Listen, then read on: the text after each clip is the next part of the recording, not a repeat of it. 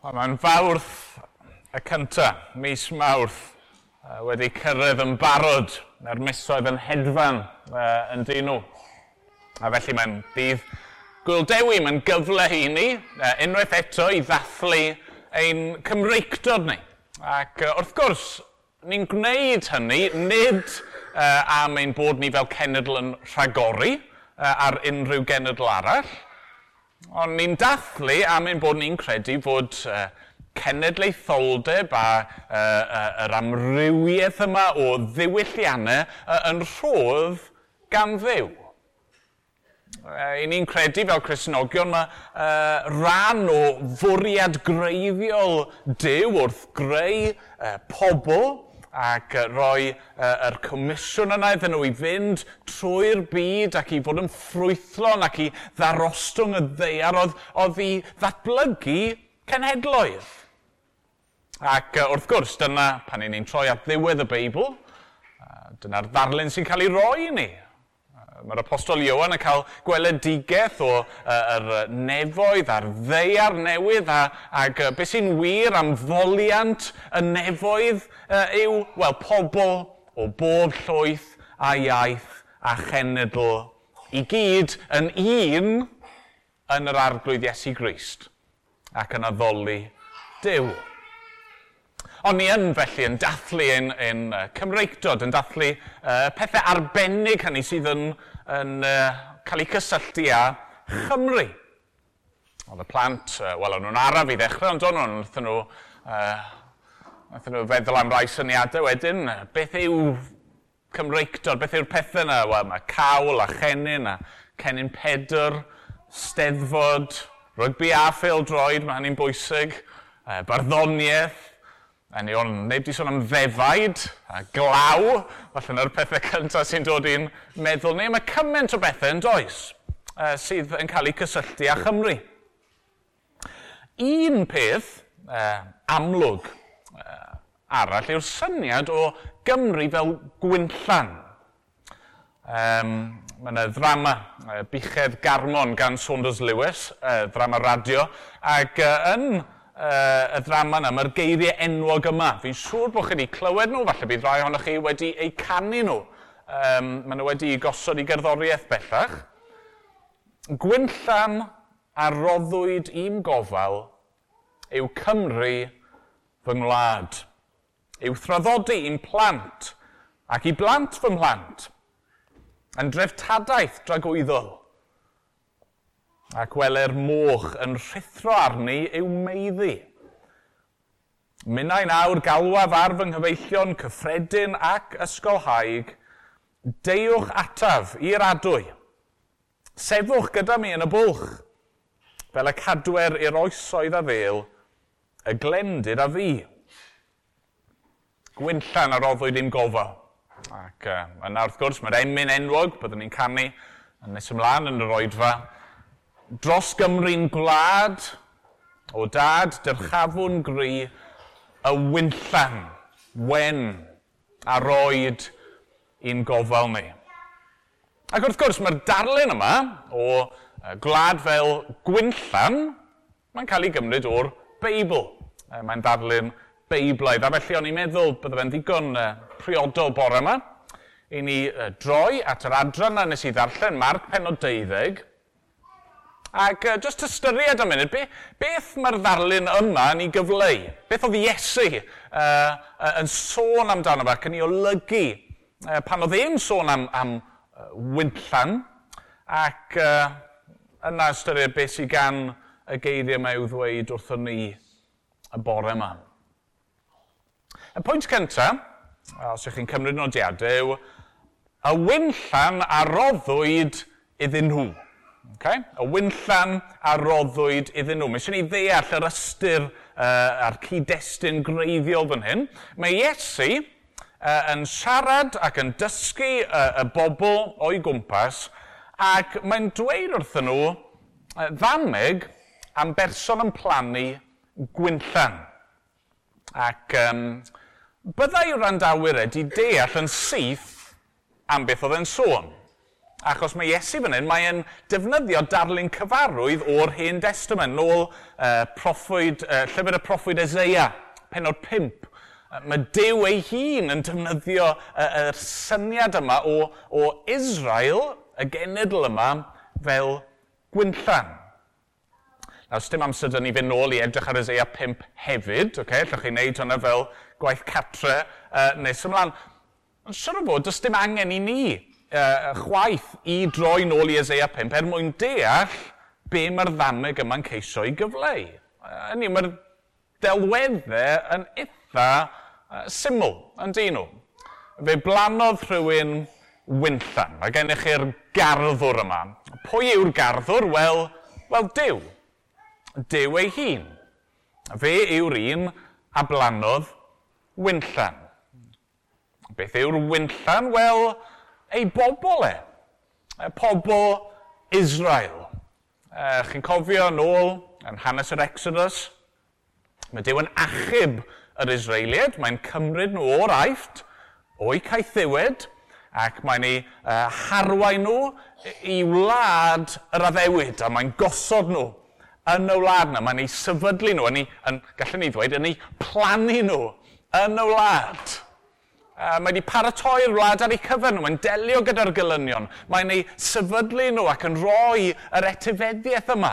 Uh, mae Dyw wedi bod fel gwynllanwr yn codi clawdd o amgylch uh, y wynllan a cloddio cafn i'r gwynryf ac adeiladu tŵr. Mae wedi gosod ei bobl yn y wlad. Ac wrth gwrs, fel unrhyw arddwr, roedd Dyw yn disgwyl ffrwyth. Fel perchen y wynllan fan hyn sydd yn disgwyl ffrwyth i dyfu, oedd Dyw yn disgwyl ffrwyth gan ei bobl e.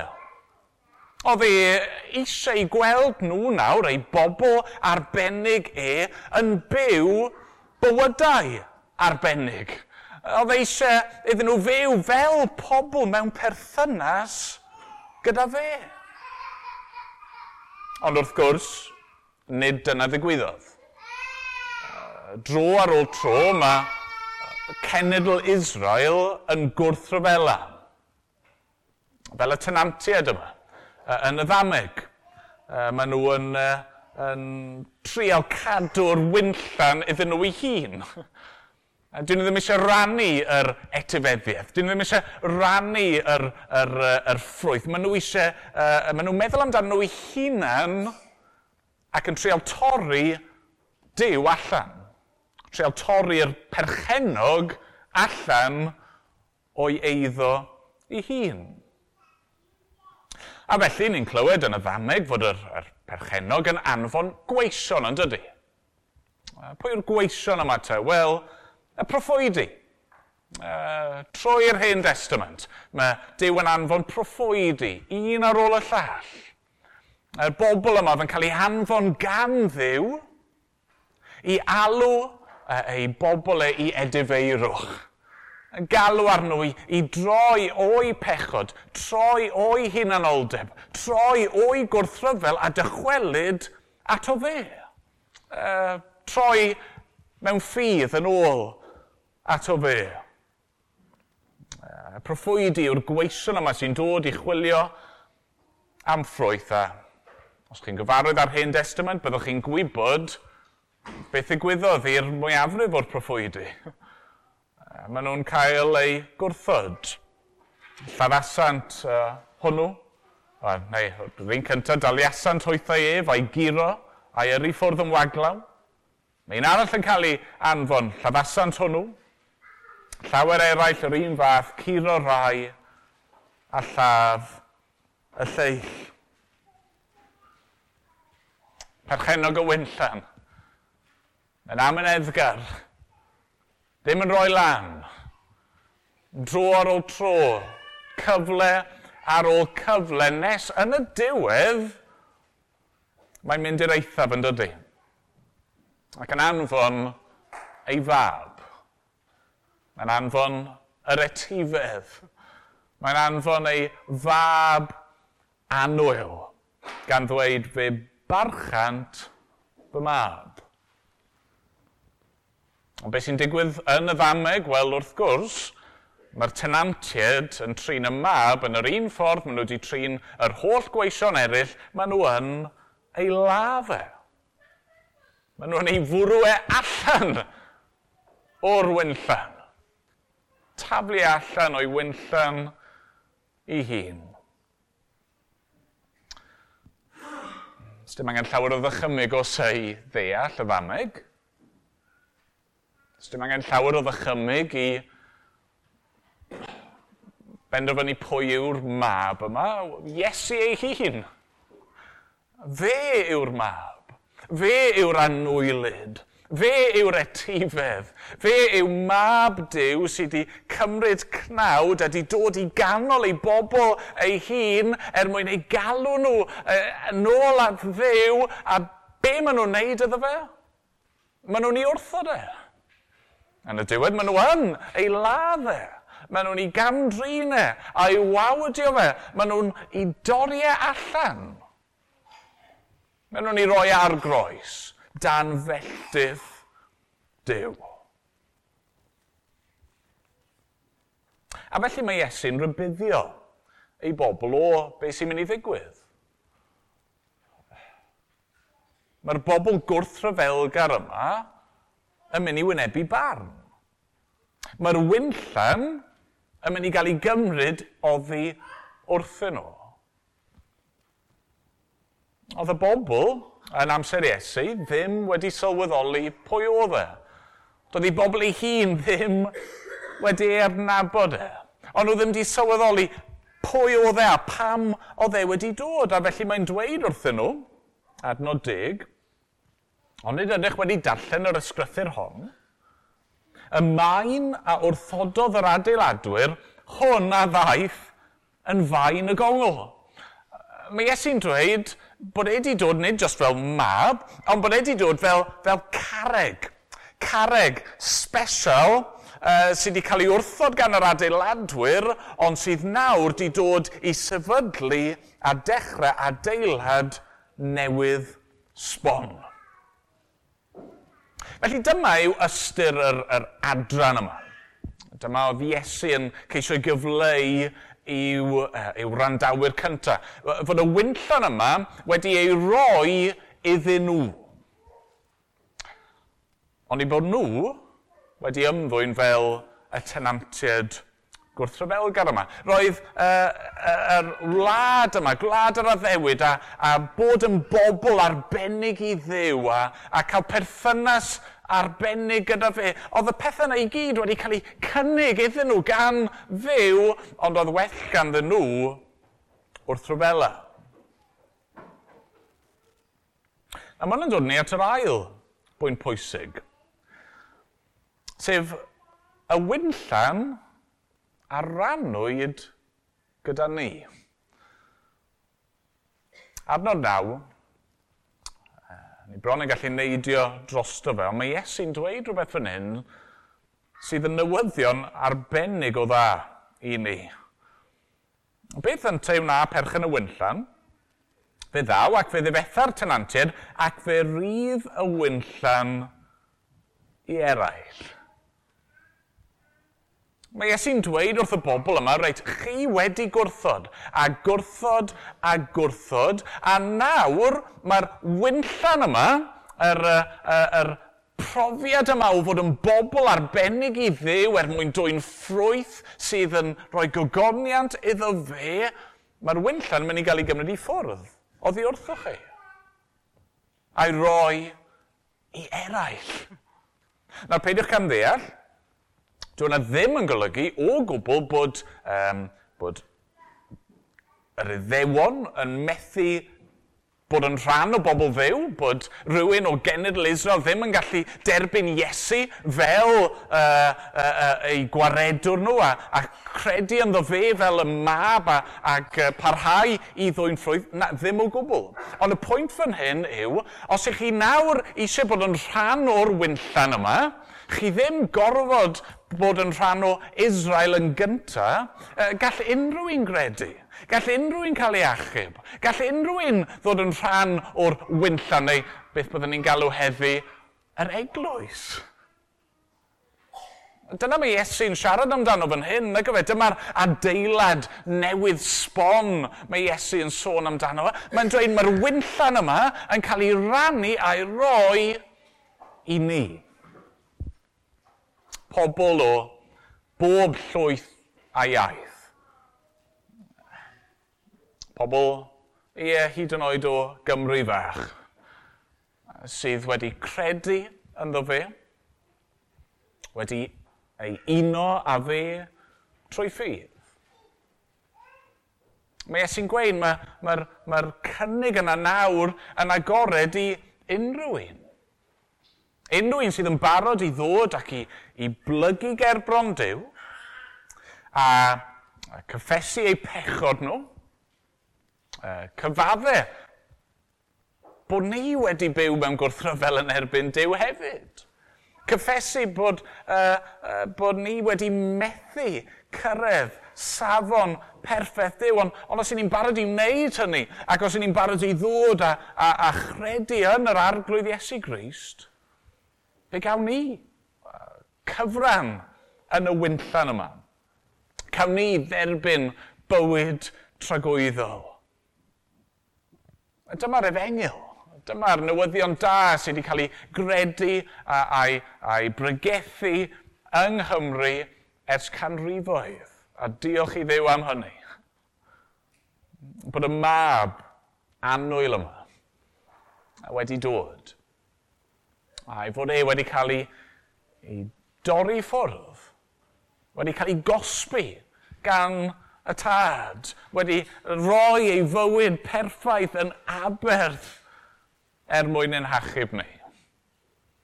A dyma newyddion da sydd i ni y bore yma fod Iesu yn fyw yn awr. A'i fod e yn galw arno ni i droi ato fe. A fod Iesu Yr arglwydd Iesu Gris, bore yma'n galw pobl, pobl o bob cenedl, ato fe ei hun.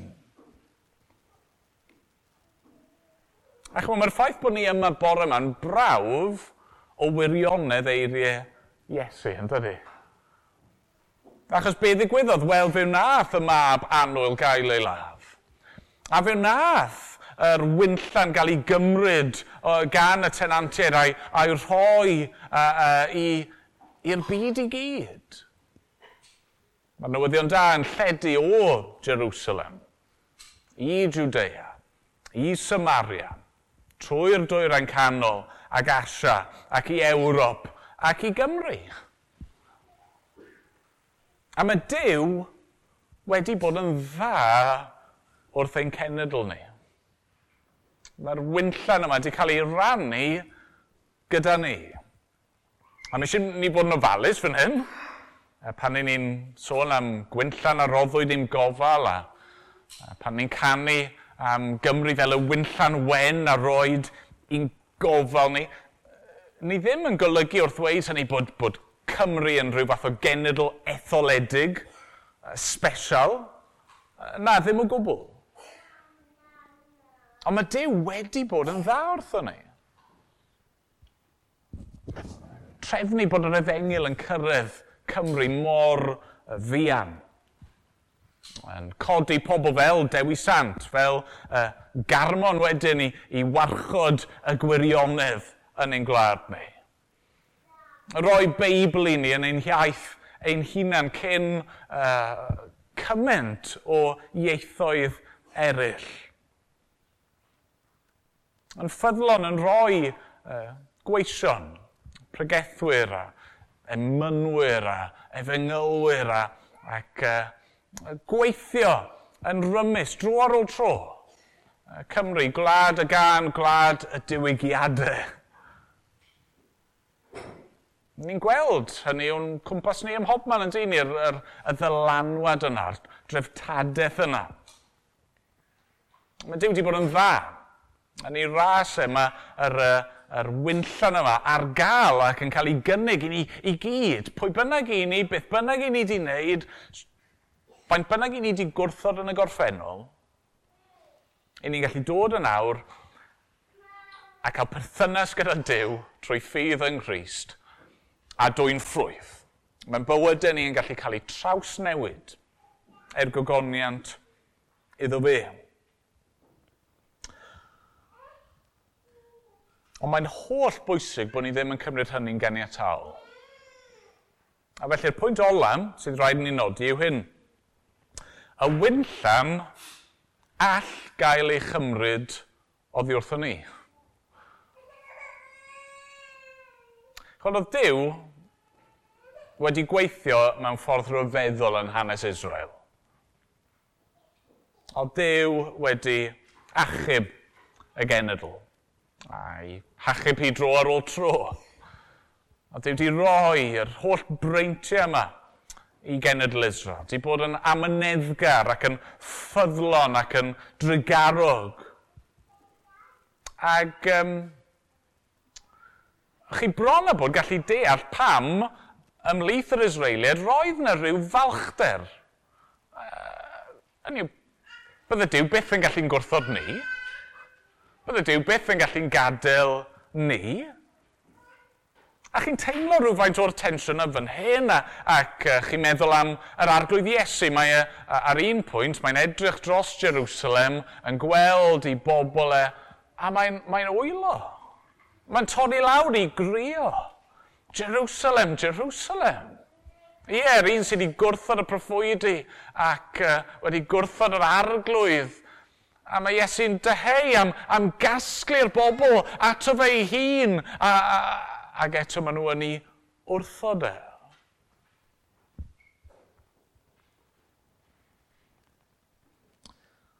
Ond beth sy'n digwydd? Wel, maen nhw'n gwrthod a gwrthod a gwrthod ac yn y diwedd mae'r wynllan yn cael ei chymryd oddi wrthyn nhw. A felly mae profiad yr Israeliad yn, yn dangos i ni y bore yma, gallwn ni ddim cymryd y pethau yma'n ganiataol o gwbl. A mae hynny'n wir ar lefel bersonol. Mae yna ddywediad yn does. Does gan ddiw ddim wyrion. Hynny yw, i ni ddim yn gallu pwyso ar ffydd mam a dad neu mam gi at y ci neu'n cyn deidiau, ni'n medru pwyso'r ffydd, dewi sant i'n achub ni. Dwi ddim yn ddigon fod Dyw wedi gweithio neu'n gwlad ni yn y gorffennol ac uh, dwi ddim yn ddigon bod ein teulu ni wastad wedi mynd i'r capel. Dwi ddim yn ddigon bod ni hyd yn oed wedi mynd i'r capel wythnos ar ôl wythnos a, a di darllen yn Beiblau e ni a yn gwybod y storys i gyd. Ni methu cymryd hynny'n ganiatol. Mae angen i ni i fod â ffydd bersonol yn yr arglwydd Iesu. Mae angen i ni i fod yn dwy'n ffrwydd er gogoniant i ddew. Ond mae'n wir hefyd ar lefel gwladol. Mae'n gwlad ni angen clywed hyn. Bod treftadaeth grisnogol a, a traddodiad y gorffennol ddim yn ddigon. Dyw dathlu dydd gwyl dewi a sôn am y pethau bychan bob blwyddyn dda i ddim. Os nag i ni yn adnabod yr arglwydd Iesu Grist. Mae'n ddyddi anodd Mae'n dod i'r tywyll yn ein glad ni ac uh, os yw Cymru yn wynllan, dy'r ffrwyth ddim i weld yn tyfu yn arbennig o dda. Ond diolch i ddiw, mae e'n dal i fod ar waith. Dyw e ddim wedi'n gadael ni, a mae'r arglwydd yn gallu newid y sefyllfa. Dyna ni wedi canu uh, sawl gwaith yn barod y bore yma. Dyma, mae Dyw yn gallu gweithio. Mae Dyw yn gallu achub. Mae Dyw yn gallu trawsnewid uh, gwlad dros nos. A'n cyfrifoldeb ni felly, fel gweision ffyddlon yw i, i barhau, i alw pobl ato fe, parhau i weddio, gweddio ar yr arglwydd i ddwy'n ffrwyth yn ein dydd ni. Er gogoniant yw enw. Amen.